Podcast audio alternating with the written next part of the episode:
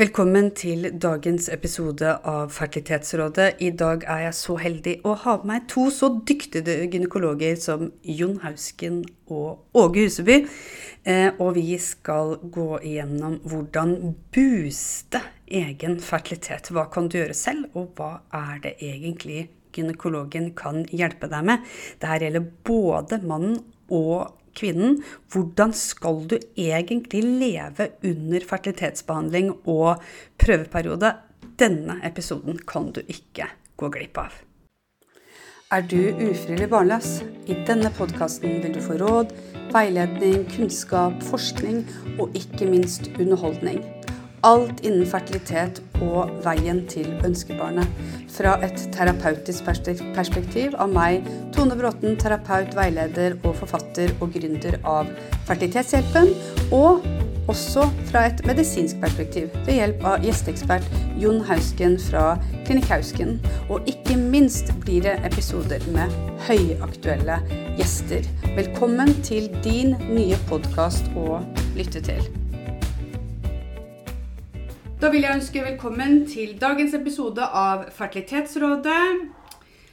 Hva er det egentlig man kan gjøre for å booste fertiliteten når man først ønsker å bli gravid? I dag skal du få svar på det, og også få svar på en del myter som regjerer der ute i forhold til å øke sin egen fertilitet. Vi har to gjester her i dag. Den ene er eh, fast gjesteekspert Jon Hausken. Og ikke minst Åge Huseby, som de fleste som trenger gynekologisk hjelp eller litt hjelp til reisen til barnet, vet hvem er i hvert fall Oslo-området. Eh, velkommen, Åge Huseby, og velkommen til Jon. Eh, Åge, jeg vil at du skal presentere deg litt først. Ja, eh, Først må jeg takke for invitasjonen til Tone og Jon. Det er en ære å få være på Hausken-klinikken, som vi alle har god erfaring med. Ehm, for min egen del så har jeg jo vært i gynekologifaget i 30 år. Begynte først på kirurgisk avdeling, men siden så ble det gynekologi og eh, mye operativ gynekologi. Og også mye jobbing på fødeavdeling. Mm. Eh, etter hvert så fikk jeg jo den interessen for fertilitet, da, for jeg har sett at mange har slitt med å bli gravide. Mm. Og det prøvde man jo å være så behjelpelig som man kunne, både gjennom operative tiltak på sykehuset og også videre oppfølging i privat praksis, som jeg nå driver i dag. Og er, på sykehus er det jo relativt begrenset hvor langt man kommer. Man må ofte et steg videre, og da gjerne til en IVF-klinikk. Og da har eh, Hausken vært eh, utrolig behjelpelig gjennom mange år. Mm. Mm. Kan du Altså, det, det, må være en grunn til at eh, når eh, i hvert fall jeg snakker med pasienter, så, så, vil veldig mange til deg. Hva er dine tanker om det, det sjøl, Åge? Hvorfor vil man til deg å få undersøkelse når det gjelder fertilitet og gyn? For det å gå til gynekolog kan være litt skummelt for oss damer. Ja, det det kan jeg til en viss grad forstå. Jeg vet ikke hvorfor mange snakker med meg. For, jeg har vel hatt en del brukbare resultater opp gjennom årene, tror jeg. Mm. Og jeg har vel ganske god oversikt både over klinikker og hvor man kan få god hjelp. Eh, så um, prøver jeg å gjøre det så enkelt som mulig og så forståelig som mulig for å være enkelt. Det er jo mye man kan gjøre i forkant eh, eh, for seg selv og i samarbeid med, med meg. da. Mm som, eh, som, ligger innenfor de rammene som, som de fleste forstår. Mm. Mm. Du sier det på en måte så det blir forståelig? Det blir ja, jeg, lege... Jeg, jeg, tror det er veldig viktig å, mm. å, få en naturlig forhold til dette her. Og så ser man hvor langt man kan komme bare ved hjelp av eh, relativt enkle, greie metoder. Mm. Og så hvis det ikke fører frem, så, så er det selvfølgelig neste trinn litt hjelp fra en infertilitetsklinikk. da. Mm. Jon? Ja, jeg tror jo at eh, Hvorfor er du så populær, eh, Åge? Det er jo fordi at du stiller opp. Du er på en måte positiv. Eh, en føler seg trygg. Det er behagelig å være sammen med deg. Men først og fremst dette som jeg elsker, sånn som legerollen bør være. Det er liksom Pasienten tar kontakt, er litt fortvila så er det ikke sånn liksom Jo da, men bare send en henvisning, så ser vi på det om en tre-fire måneder. Nei, jeg skjønner at du er lei deg. Vet du hva? Du skal få komme nå i ettermiddag. Og der er du. Du, du, er på tilbud. fordi at når noen har en stor blødning, og de er gravide, og dette har de holdt på med i ti år, da ønsker de undersøkelse nå og ikke om to uker. Mm. Jeg er enig med deg i det, Jon. Jeg tror nok noe av, noe av mitt fortrinn er, at, er tilgjengeligheten. Mm. Og at de vet at de omtrent alltid kan få tak i meg hvis det, hvis det virkelig står på noe. Mm. Og jeg har jo vært eh, relativt eh, liberal på den måten der. og det tror jeg pasientene setter stor pris på. Mm. Og det er jo mye slutt på den eh, legerollen der. Eh, fordi at eh, både du og jeg er jo sånn så Ok, vi kan kjøre inn en søndag kveld og vi og tar det ultralyd. Ja da, vi gjør det. Mm. Ja, så, så vi, har, vi, vi, strekker oss langt, men det tror jeg vi er nødt til å gjøre. Og særlig i den prosessen som vi er inne i, så er det helt avgjørende. Mm. mm. Vi skal gå inn på et tema som, som jeg tror mange lytterne er interessert i. Da. Hvordan kan man booste sin egen fertilitet, altså før man i det hele tatt kommer, um, kommer til en fertilitetsklinikk eller har tatt det steget.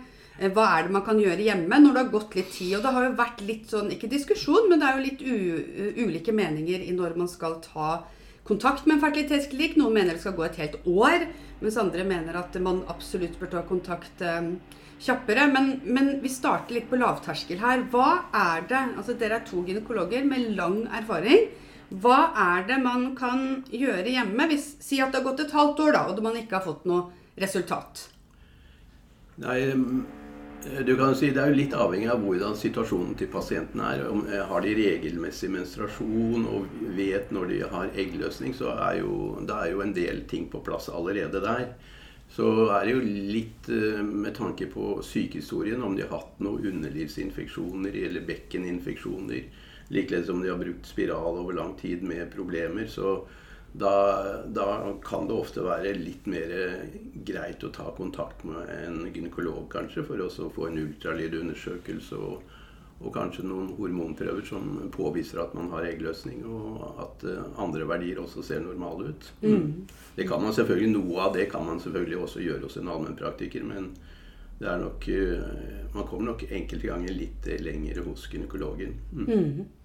Jeg tenker òg det at eh, Nå skal ikke vi gynekologer fremheve oss eh, spesielt, men det er klart at eh, vi er jo ofte noe bedre på fagfeltet enn en allmennlege. Og det har jo verken med intelligens eller noe annet å gjøre, men det er jo det som er vårt fokusområde. Og du blir jo ofte best på det du gjør mye.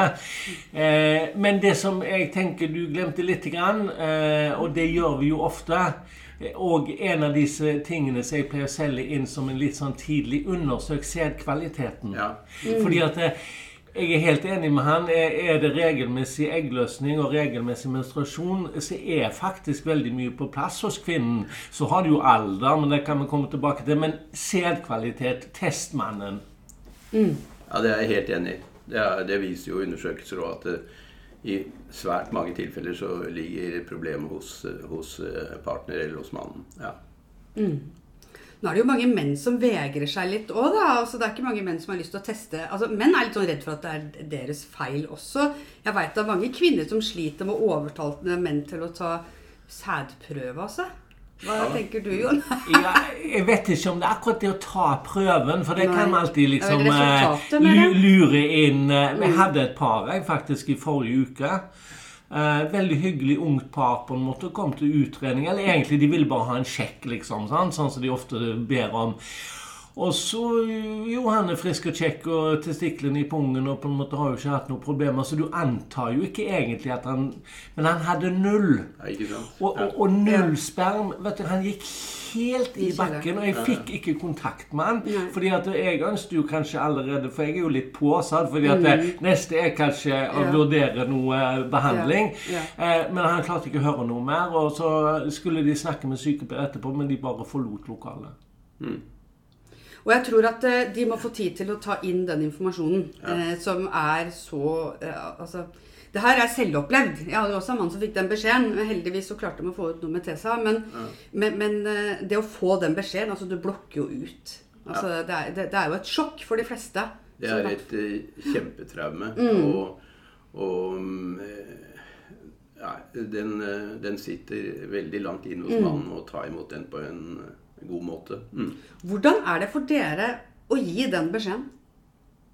Det sitter en mann der, dere skal gå inn og gi beskjed at det er ingen sperm der. Hvordan Er det en vanskelig oppgave, eller har dere funnet teknikker for at det her Ja, nå har kanskje Åge en teknikk, og den lytter jeg gjerne til, men jeg, jeg, er nok litt jeg er litt mer rett på, jeg, på en måte. Jeg sier, vet du hva eh, Beklager, men eh, jeg, jeg, jeg, sier det som det er, og så ja. får vi heller ta det derfra. Ja. Uh, så jeg pakker det for så vidt ikke noe inn. og på en måte Kunne kanskje ha vært bedre til det. Spesielt på det paret som forsvant ut dørene. Så var det tydeligvis ikke noe lurt å gå rett på det. Jeg vet ikke hva du gjør. Jeg, ja, jeg, tror, jeg tror det gjelder å være helt åpen på det. Og du kan si at selv om de kanskje gikk rett ut der og da under den eh, sjokktilstanden som de kanskje var i, så kommer de ofte tilbake. når de får eh, reflektert litt rundt det. Så og det fins jo behandlingsmåter. Mm, ja. mm. Uh, jeg tenker på det her med um, å booste egen fertilitet. Uh, altså, jeg snakka sist med en pasient i går uh, som hadde prøvd i år å få nummer to. og det jeg ofte hører, liksom, at tankene dreier seg rundt, det er Kan jeg ta meg et glass rødvin når jeg prøver å bli gravid? kan jeg ta meg en snus? Eh, kan jeg eh, spise sukker? Altså Hvis vi tar de tre først, da. Eh, rødvin, sukker og snus. Vi starter med rødvin. Jeg sier at de, de kan fint drikke både rødvin og kanskje innimellom snuse litt òg. Jeg er på en måte litt pragmatisk anlagt og tenker at det er viktig på en måte å ha, ha gode liv.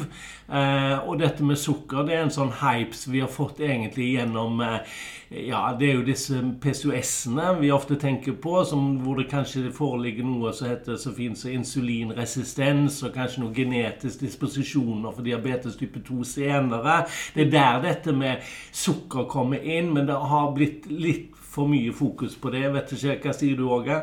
Og jeg er enig, enig med deg, Jon. Jeg syns jo at eh, man er jo opphengt nok som man er i denne mm. fertilitetsproblematikken. og leve mest mulig normale liv, det, det, må man tilstrebe. Litt mindre snusing, hvis det går an å redusere det, det tror jeg aldri man uh, taper noe på. Nei. Eh, så det med sukker, så er jeg helt enig med hvis det er en PCO-problematikk, så er det selvfølgelig noe som man må ta tak i. Mm. Men ellers så tror jeg det, det viktigste er at uh, man lever et uh, normalt, regulert liv, sånn som man har vært vant til å leve. Mm.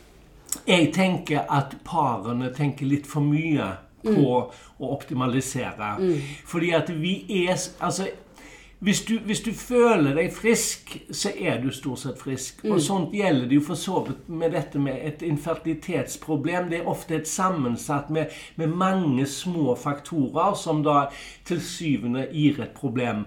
Sånn at det, det å plutselig leve veldig sunt og på en måte begynne med yoga og finne den indre stemmen, mm. altså det hjelper ingenting, det. Nei, og det er, jo, det er, jo, det jeg jobber med mye med mine pasienter med, da, når jeg hjelper dem å liksom forstå det at eh, de har på en måte litt mista kontrollen. Altså, det, er, det, er ikke, det, er, ikke, under deres kontroll lenger, det å booste f.eks. eggkvaliteten. Eller det er ikke så mye de får gjort, da, men det er jo fint å få, få hjelp. Og så er det en ting som jeg liker, og det er at når jeg sitter og hører på pasienter, så sier de ofte Uh, nei, jeg klarte det ikke den gangen heller, sier det. Jeg klarte det ikke den gangen heller. Det er Å si det til sitt nervesystem, det er jo et forferdelig nederlag. Men det er heller å si at jeg er fratatt muligheten til å klare å bli gravid hjemme. F.eks. når du er under fertilitetsbehandling. Fordi når du blir fratatt noe, og heller tenker på det, da er det greit å føle den bitterheten. Da er det greit å føle lei seg. Da er det greit å føle seg sint, for da har du blitt fratatt noe. Men hvis du sier at 'jeg klarer det ikke', da begynner du å angripe deg sjøl. Jeg har spist feil. Jeg har trent for mye. Jeg har stressa for mye. Da begynner man på den. Men det her å lære seg til å si at jeg har blitt fratatt muligheten til å klare det her sjøl. Da, da, blir det noen helt andre mekanismer som settes i gang, faktisk. Ja. Tror det er en god to eh, tilnærming, Tone. Ja, jeg tror det. Mm. Eh, og så er det det her med Da har vi tatt litt sånn hva man kan spise og drikke og, og, og ruse seg med. Nei, det er jo ikke det som er hovedformålet til pasienter, å ruse seg. Men eh, hva annet kan man gjøre? Altså, det kommer noen sånn hormonstimuleringer fram her. Um, hva er det man kan ta av støttehormoner, holdt jeg på å si? Eller hvordan kan man booste fertiliteten med hormoner før man eventuelt går over i en IVF-prosess, Åge? Det er jo det er jo noen ganger man eh, bruker disse tablettene som man bruker fra tredje menstruasjonsdag i, i ca. fem dager da, for mm. å eh, booste eggløsningen litt. Grann, og drive frem kanskje noen flere egg, og kanskje sette en, en eggløsningssprøyte når tidspunktet er inne for det.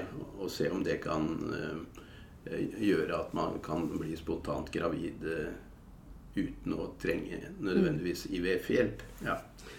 Jeg, jeg, tenker at det kan være veldig smart hos veldig mange pasienter. fordi at det, hvis jeg pleier alltid å si selv, uten at jeg har gjort noe studie på det, at ca. halvparten av de som kommer inn døren på en IVF-klinikk, har en eller annen form for et modningsproblem, og de roter litt med eggløsning. Og det så jeg i en studie fra USA, der de på en måte sa med en gang at du hva, 50% av alle som søker IVF, har egentlig PCOS i mer eller mindre grad. Mm. Og de kan en jo hjelpe med hormontabletter. Og da hadde jeg lyst til å høre med Åge, fordi at det, eh, altså vi hadde jo klomifen i sin tid, ja, ja. Mm. Eh, som ikke er noe Det er jo ikke noe dårlig preparat. Eh, og akkurat det der der med.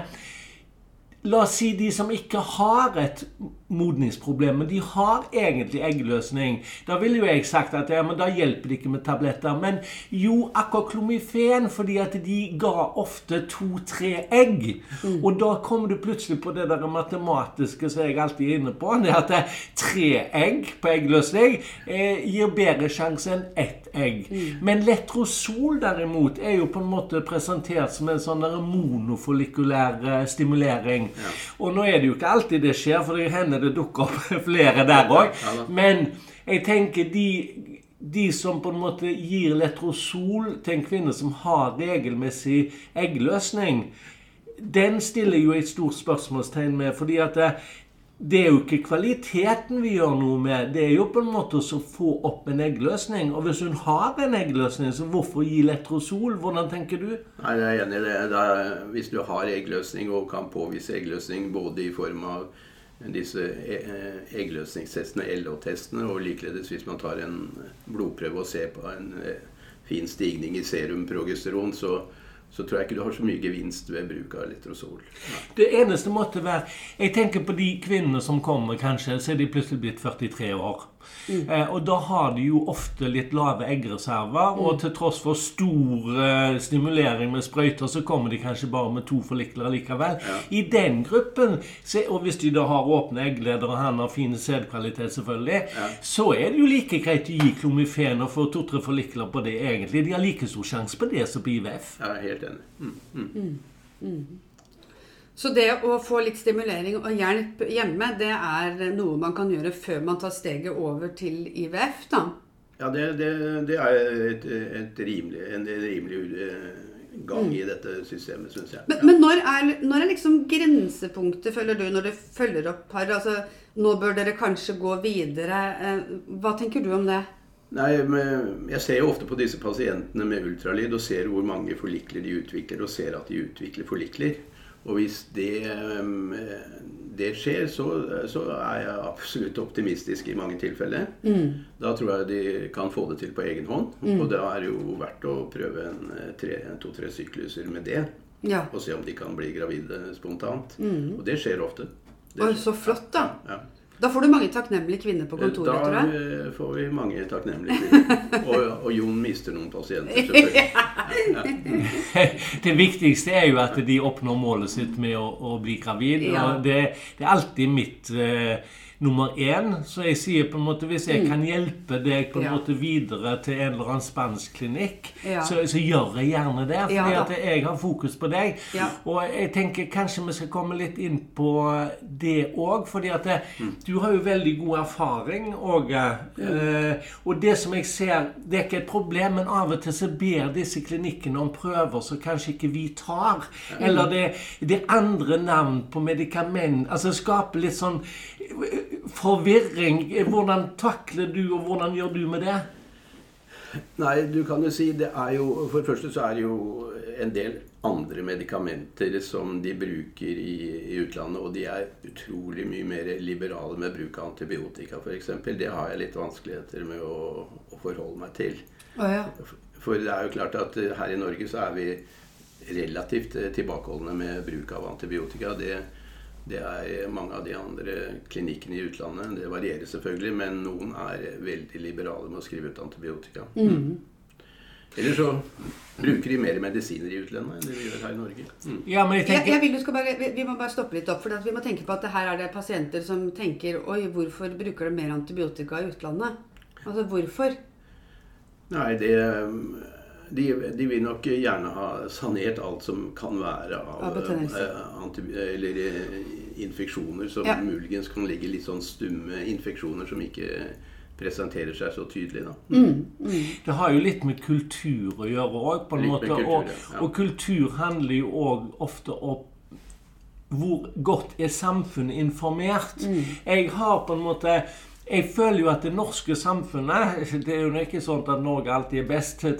Tvert imot. Mm. Men eh, de er veldig godt informert og på en måte er, kan ta reflekterte valg, eh, norske pasienter, i motsetning til mange kanskje ute i Europa. Um, og det, den holdningen til antibiotika den kommer til å føre oss det, ble, det er jo ikke bra, så mye Nei. antibiotika som de bruker i utlandet. Og, og amerikanerne altså de, de er jo livredde for rettssaker, så der har de jo deres antibiotikabruk. Ja, ja. Fordi hvis noen får infeksjon da pga. et egguttak, så er jo det 100 millioner i rettssak. Så de tør jo ikke noe av. De tør ikke annet, nei. nei. Jeg, jeg tenker Nå hoppa vi litt eh, fra det her å være en pasient som går på hormonstimulering. Eh, kanskje blir de gravide spontant, heldigvis, da, etter mye prøving. Eller så må de videre til eh, IVF-behandling. Eh, det som er litt viktig, som, man, som jeg ser, i hvert fall, det er at man, eh, man prøver først hjemme. Noen går offentlig først, og så privat, og så utland. Det blir jo en veldig lang reise. Og så er det mange som tar noen avstikkere, selvfølgelig. Og det er jo klart at har man lav AMH og dårlige eggreserver, så er det jo litt dumt å ta den lengste veien. Ja. Da er det veldig lurt å, å ta en liten avstikker. Eh, og min erfaring er at eh, går man over til IVF også, så kan det faktisk føles ut som en litt lettelse for paret. For at nå er det endelig, endelig noen som på en måte hjelper oss med vårt eh, barneprosjekt. For det er jo strevsomt også hver måned å prøve å få de her negative svara. Definitivt. Ja. Opplever du også at det blir litt altså når du kommer inn i bildet, at bare endelig er det en som vil hjelpe meg, liksom? Ja, og så endelig er vi ferdig med alle disse eh, eh, forsøkene som de ikke i utgangspunkt har noe tro på. De, mange har jo fry, Mistet mange egg, ikke sant. Og, og mm, har vært til et eh, forsøk og har, eh, setter tilbake fryseegg og gjør det ofte tre-fire ganger og har ikke noe tro på at det, De har ikke selv noe tro på at det lykkes. Og da vil de gjerne og, og, og ofte over til til Jon og sånne som driver spesifikt med dette. Mm. Ja, at det er litt godt. Og det opplever du Ja. vel, Jona? At det kan være litt sånn endelig får vi hjelp, eller? Ja, jeg kunne sagt mye om det, men det Ja. som jeg har lyst til å si, det er at eh, grunnen til at det kan bli litt sånn diffust og for, for paret på en måte liksom ikke liksom, Vi er vant med å ha konkrete oppgaver. Altså lyset virker ikke, da, ok, da kjøper vi en ny pære. Vi er vant med å fikse opp selv. Eh, fordi at det er ikke alltid 100% gode svar å gi heller. på en måte, For liksom, tenk, hvor lenge skal vi prøve? Sant? Altså De fleste parene er jo ikke sterile. Sant? Så Hvis alle par nå venter i ti år, så vil faktisk de fleste av de som òg har strevd noen år, til slutt ende plutselig opp med en graviditet. De, de vil jo det. Men er det en lur måte? Nei, fordi at eh, La oss si vi venter i ti år, da, og så blir halvparten ikke gravid. De kunne vi kanskje ha hjulpet. Sant? så den der vente og se Hvor lenge skal vi vente og se? Og da er det jo sånn at det er sagt et år. Eh, Det kan vel kanskje være fornuftig, på en måte. Men hvis vi prøver å differensiere det litt Hvis du f.eks. da er 40 år, eh, så vil ikke jeg ha venta et år, på en måte. Fordi det å, forskjellen fra å kunne hjelpe fra du er 40 til 41, den er faktisk ganske stor. Fordi at fertiliteten den er ikke sånn lineær som en rett linje. Den, den stuper på, på slutten. Så de bør jo ikke vente så lenge, egentlig. Nei. Og så har du de unge, da. Ok, De har jo god tid, så her kan vi jo vente.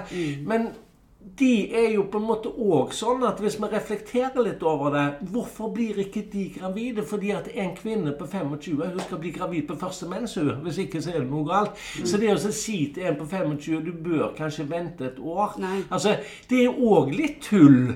Mm -hmm. så, men så, så, så, skal du heller ikke på en måte lage et problem heller, da. Sant? Så liksom det, Den avveiningen er jo ikke alltid like lett. Nei, nei da. Dagens episode skal jo eh, handle om det her å booste fertiliteten. Og eh, mange får jo høre de, eller mange er nysgjerrige på da, når de går gjennom IVF og stimulering. altså hvordan, eh, hvordan, skal jeg leve? Og det er noen som får beskjed om å leve som normalt. Men hva er normalt? Når de kommer til meg, så sier jeg at det, det å leve som normalt er nesten umulig. For det her tar så mye opp følelsesmessig hos deg. Så du skal leve i balanse, sier jeg i stedet.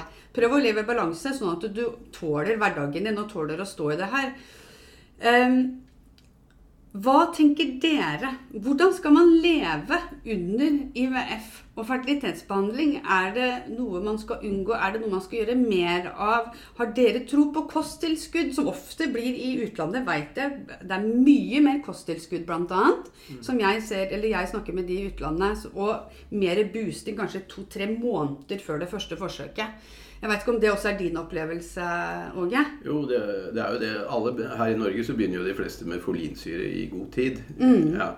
Og så eh, Vitamin D er jo også et preparat som mange benytter seg av. Og Q10 er, en, eh, er det noen som, som uh, bruker. Mm. Så det er jo en, en, del sånne vitaminpreparater som mange er innom og bruker. Mm. Um, I utgangspunktet så Hvis det er en utenlandsk klinikk, så følger jeg ofte det programmet de har skissert. Det ville være veldig merkelig hvis jeg skulle ja. velge en annen uh, Gå på uh, kontrovers med den utenlandske klinikken når, når, de legger så mye energi og, ja, og penger i det. Så mm. det og enhver pasient vil jo reagere på at jeg plutselig velger en annen vei enn det de har tenkt seg nå. Ja. Det vil det blir skape en uh, mistro, tror jeg. Mm. Så da føler jeg stort sett det, som, det, mm. det, programmet som er skissert, hvis det ikke er noen helt konkrete ting som jeg mm. reagerer på rent sånn medisinsk. Er din, er din erfaring også at, at, det er mer vitaminer og kosttilskudd i forkant av forsøkene på de utenlandske klinikkene? Noe mer. Det er, mm. det er litt varierende fra, fra klinikk til klinikk. Ja. Mm. Og fra land til land, faktisk. Ja. Hva tenker du om det, Jon? Jeg har vel kanskje litt den der norske oppfatningen og meningen at jeg, jeg tror vel ikke så veldig mye på det. Ja. Um, Q10 har jo meg og deg òg vokst opp med helt fra vi var studenter, på en måte. Den har kommet og gått. Ja, den, har uh, den har kommet og gått. Så jeg vet ikke. Men jeg er jo åpen for det meste. Mm, så hvis pasientene på en mm. måte mm. føler at det, det, er rett å gjøre, så, mm. så, så, kan jo ikke jeg hevde at det er feil. Nei. Så jeg, jeg, jeg er òg sånn støttende på det. Men mm. spør du meg sånn veldig ærlig, så sier jeg at jeg tror vel kanskje ikke så mye på det. Men mm. Og den er litt viktig, og jeg tenkte jeg kunne diskutere litt med Åge. Det var dette at jeg, Kvinnene lever jo stort sett veldig sunt. altså De er jo så flinke, og de på en mm. måte passer på å ordne og stelle og stulle. Så de er jeg ikke så bekymra for. Jeg er mer bekymra for mannen, for jeg tror mannen kanskje mm kunne av og til ha øh, strekt seg litt mer øh, om det gjelder vitaminer eller hva det skulle være. Fordi kvinnen kan ikke egentlig gjøre så mye med de eggene som allerede produseres. Så det mm. hjelper liksom ikke så veldig mye for kvinnen å bli så superwoman. Uh, mm. Men mannen derimot, han har jo ny produksjon. Ja. Mm. Så at han kan faktisk påvirke. Og mm. der går det jo akkurat dette her og Jeg tenkte å spørre deg liksom dette her med oksidativt stress. Ja. Med spermiene som svømmer ut gjennom hele dette systemet og ut penis og møter bakterier og, og hostile environment. Og det, det, ser ut som det kan kanskje redusere både bevegelighet og DNA-skade. Og, og, der er det jo en del medikamenter. Hva tenker du på det? Jo, absolutt det er jo all grunn til å se litt på Eller se i større grad på mannen enn kanskje kvinnen alltid. For kvinnen er mye mer samvittighetsfull og følger opp det mm. programmet som, som er skissert. Og de lever eh, til en viss grad mye sunnere også. Men uh, hos mannen er det definitivt noe å hente for å bedre kvaliteten på, på sæden. Og da er det jo viktig å kanskje se på bruk av hvilke type medisiner vedkommende bruker. da. Mm. Mm. Og an å booste sædkvaliteten på noen som helst måte. Det har jo vært gjort masse forsøk på det også. Mm. Ja da, absolutt. Og jeg, jeg, jeg, jeg prøver jo litt forskjellig. Ja. Eh, sånn at jeg, ønsker å være akademisk og profesjonell, men jeg er åpen. Så, så, jeg har jo brukt en del letrosol hos menn som er overvektige. fordi at vi vet jo at fettcellene de, de, de har en aromataseaktivitet som det heter. Det betyr altså at de, de tar tak i testosteron og omdanne til østrogen. Og det liker jo ikke testikler og, og spermieproduksjon særlig godt. Så der er det en gruppe som gjerne går ned i vekt, da. Vel, det, det er jo ikke alltid de får det til. Og så har du jo disse som har veldig dårlig sædkvalitet, og så ser litt på hormonene om, om, det går an forsøksvis å stimulere de enten med HCG eller, eller annet. Har du hatt noen sånne? Ja, absolutt. Mm. Jeg vet ikke, Har du brukt noe testosteron til noen av mennene? Nei. Har du? Nei. Men uh, noen tar jo blodprøver og ser at de har litt lavt uh, testosteron. Da, og da er det jo et visst press på å kanskje tilføre noe testosteron. Mm. Mm. Men, uh, Men hva med de her damene? For jeg er sånn Nei, nå får du ikke lov å ta deg en øl, og du skal ikke ha stram bukse, og du får ikke lov å sitte så lenge. Det blir så varmt. Ja. Altså, hva sier du til de? Det er jo litt morsomt det der med fordi at Altså, Du finner jo de studiene du ønsker. Så du kan finne studier som forteller at du egentlig skal gå med litt vide bukser. Ja. Og så er det vel studier som viser at det har kanskje ikke så veldig mye for seg. Så du finner de studiene du ønsker. Ja. Men det er jo litt morsomt, fordi at testiklene at de henger der de henger, er jo eh, jeg vet ikke. Er det spesielt, eller uh, hva er det for noe? Men altså, hvorfor, hvorfor skal de henge der? Hvorfor skal de ha 34 grader? Hvorfor evolusjonen? Har du reflektert noe over det òg? Nei, det, det, har jeg faktisk ikke. Jeg, jeg jo, har jo tenkt mye på hvorfor de henger der. Det, men uh, jeg tror vel de fleste har glede av at de henger der. Og rent sånn teknisk jo, jo, og utviklingsmessig så tror jeg det er gunstig. Mm, ja. Jo, men jeg tenker på en måte tidligere så var det jo å overleve. Det var jo kamp, og de, ja, ja. ble jo slått ned i hodet. Og at de henger der, er jo ikke spesielt gunstig sånn men jeg tror også det er litt viktig altså Det er jo klart eh, Hvis eh, mesteparten av våre lyttere er kvinner, og de hører nå at eh, ja, når det gjelder boosting av kvalitet, så må vi se på mannen. Og det er jo klart, Da kan hun gå hjem og kjefte han og si at det er deg vi må se på, det er du som må, du som må leve sunt og, og godt nå. Men hva, hva, er det de kan råde mannen til? da? Bare enkle ting? Det, det har jo vært mye fokusert på at Altså oksidativt stress, hva, hva, betyr det? Altså, Oksygen det trenger vi jo for å leve, på en måte, ja. men oksygen bryter òg ned. Altså, det er på en måte bryter ned molekyler, og på en måte det som skjer da i, i, i gangen fra produksjon og gjennom dette sluse rørsystemer og ut og gjennom prostata ut gjennom penis, er jo at der er det mye bakterier. Der er det av og til litt kroniske infeksjoner mm. uten at du liksom er klar over det sjøl. Fordi, fordi du har kanskje en gang hatt en, en, forstyrrelse som har gitt en eller annen infeksjon. Men så er det sånn at den betennelsesprosessen henger igjen. Mm. Og en betennelsesprosess skaper oksidativt stress. Mm. Så der har det vært mye fokus. Og der er det dette med antioksidativ eh, behandling. Og det, det, kan en få i seg gjennom eh, mat. Og, og, så er det noen, spesielt i utlandet, som ofte har sånne ferdige eh, tabletter som de på en måte selger, mm. som hvor inneholder da selen og sink og, og, disse som vi vet har effekt på det. Mm. Og, og, det skader kanskje ikke å prøve det, da, nei. men det er ikke sånn at da går han fra elendig sædkvalitet til Supermann. Altså, det er ikke nei, der vi er. Nei, nei. Men, men, temaet er jo å booste. Altså, hvordan kan man booste? Så det er jo riktig ja. å være innom det. Har du hatt noen tanker rundt det? Det er mye det samme som, som Jon, for så vidt. Mm.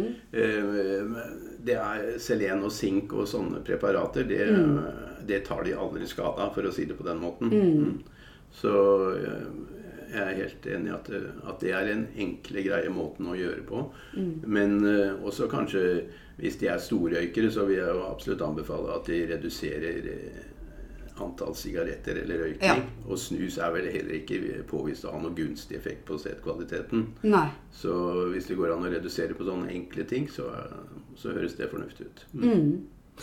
Jeg tenker tilbake til sånne prøver og sånn som ja. det. fordi at par ønsker jo å ta egentlig mest mulig prøver. Ja, men Går det ikke an å ta en prøve? Så sier jeg alltid ja, men hadde det vært en prøve å ta, så hadde vi jo tatt den. Det er jo ikke dum, jeg heller. Jeg ønsker at du skal bli gravid, men det er ikke liksom sånn at det fins mm. tusenvis av tester som viser ditt, og da gjør vi datt. Og det mm. er litt frustrerende for pasientene. Mm. Men da får de kanskje svar på nettet. For på nettet der fins det mange gode tester, vet du. Mm-hmm. Så hvorfor bruker vi ikke de? Og da har vi dette her med at eh, noen klinikker ber jo om at vi skal ta en bakteriologisk prøve fra mannens penis for å se om det er noe forstyrrelser der. Mm. Og når jeg da har forsøkt å sende det inn noen ganger for å etterkomme pasientens request, mm. så vil jo ikke de teste det. fordi at det er sånn som de sier ja, men det er jo så mye bakterier i penis at det, det har ikke noe for seg. Mm. Og det tror jeg stemme òg. Mm. Du kunne kanskje sett på sammensetning, men ja. det gir lite. Mm. Men det er prøver som de forlanger av og til ute, så det er litt vanskelig å Hva sier du til det? Jeg er helt enig. Det, hvis, de, hvis, de, forlanger det ute på en eller annen utenlandsk klinikk, så tror jeg nesten de er, eh, da må de nesten ta den på den utenlandske klinikken. Mm. For hvis man tar de prøvene her i Norge, så får du bare tilbakemelding fra laboratoriet at de tas ikke. Og de syns det er helt meningsløst å ta det. Mm. Ja, og da har jo ikke jeg lyst til å ta det, for jeg vil jo ikke virke som en idiot, Nei, jeg heller. sant? Men, men, jeg hadde Og nå høres det ut som jeg rakker ned på, på, på utenlandske det Og det gjør jeg ikke fordi at jeg er superpositiv og har jo kjempegod erfaring òg. Og, og, gode resultater leverer de. Så mm. det skal være sagt. Mm. Men så hadde vi en, en, en, klinikk som vi kjenner alle sammen, veldig flink klinikk, som på en måte ba om at det skulle gjøres en fish-test mm. av spermiene. Mm. Og, og, da stusser jeg litt. for det, det, er jo en veldig gammeldags test som egentlig viser veldig lite. For det første så Den leter jo etter kromosom. Altså mm. du, om du har tre eller to eller én, på en måte. Mm. Og så er Fish-test ofte bare at de går etter de mest vanlige. Så de undersøker jo ikke alt. Men spermiene har ikke så mye kromosomfeil. Det mm. de har, det er mutasjoner og feil på genene. Og til dels òg DNA-fragmentering registrering. Men mm -hmm. det er ikke sånn at det er opphopning av, av trisomier og monosomier allerede i spermiene. Så jeg liksom tenker Det syns jeg hørtes veldig rart ut. Hva tenker du? Jo, helt enig. Ja. Og det, det gjennomføres jo i veldig liten grad her i Norge, da. Mm, ja. Men Så, gentesting av spermen, da? Er det noe helt annet? Noen kommer til meg og sier jeg vil genteste spermen. Ja, det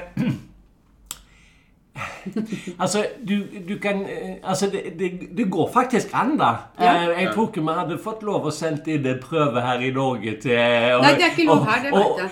Jo, men altså, det kunne kanskje vært lov òg. Men altså, de mener altså, Det er jo totalt nytteløst å gjøre en sånn undersøkelse. fordi at mm. Mannens spermier har genfeil, men de er på en måte liksom ikke større enn at det er ikke det som kanskje gjør at de ikke oppnår graviditet. Mm -hmm. Fordi at vi har alle genfeil. Du, Tone, Tone, sannsynligvis mer enn alle andre. Sånn som jeg kjenner deg. men, Takk for komplimenter på morgenkvisten. og der er det jo dette at vi har genfeil, men vi har jo to.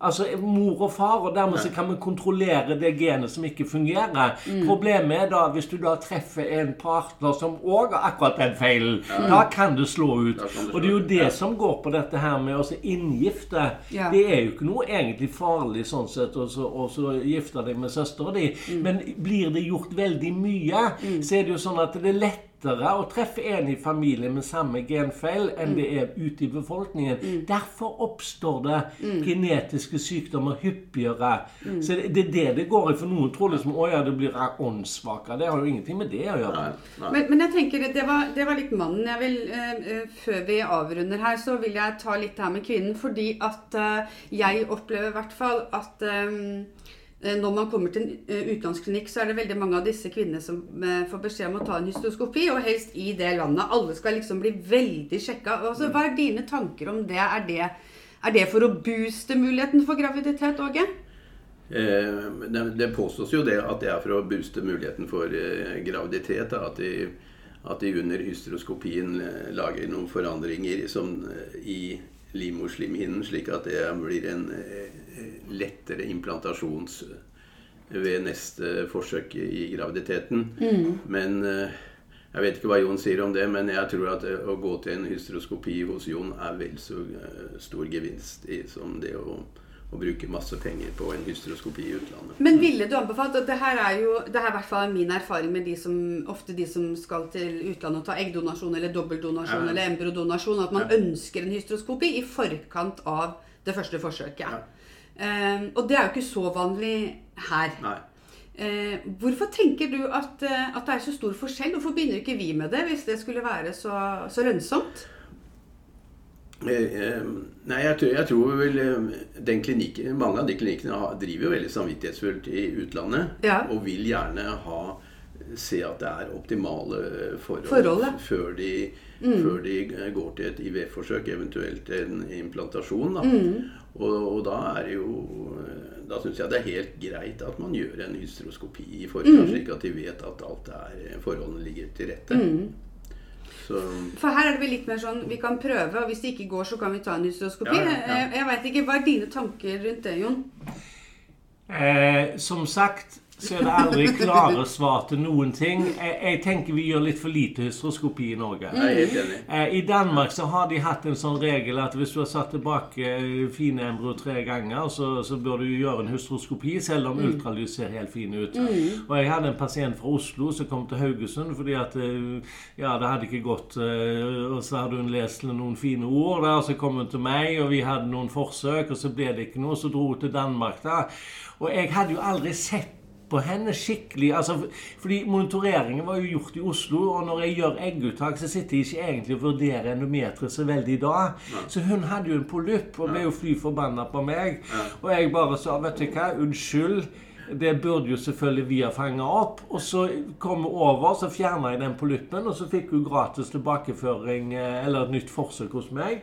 Og ble jo gravid med en gang. Så jeg syns vi har litt for lite hysteroskopi. Men hvis vi har tid, Åge fordi at jeg syns jo dette her med endometre og hysteroskopi og scratching og, og diverse Det er jo egentlig ganske interessant. Og muligens er det noe der allikevel. Ja, ja, absolutt.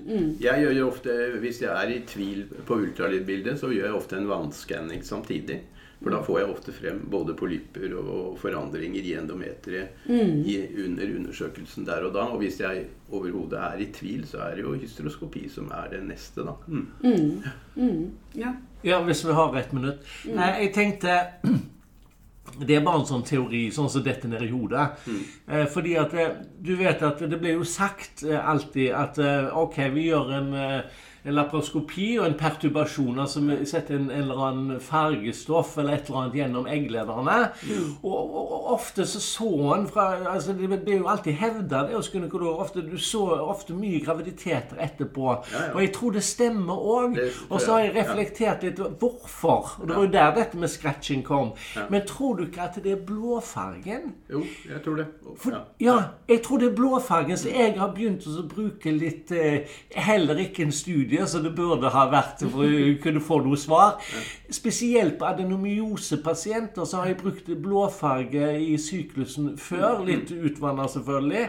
Eh, og jeg har hatt eh, noen eksempler som jeg ikke har fått til i, i det hele tatt, men som er nå gravid etter det. Om det ligger noe der, det vet jeg ikke, men det er litt spennende. Jeg tror det er eh, jeg tror, jeg tror definitivt det ligger noe der. ja. Eh, Det kan være mikroadranser som vi ikke ser i egglederne f.eks. Som ofte kan løses opp ganske greit ved å eh, bruke blåfarge og bruke litt trykk på blåfargen enkelte ganger hvis det viser seg at det er vanskelig å få gjennom den blåfargen. Så Og så vet vi jo at det brukes sånn blåfarge på såre rumper på barn. vet du. Så brukes jo det på en måte fordi at det har en antiseptisk effekt.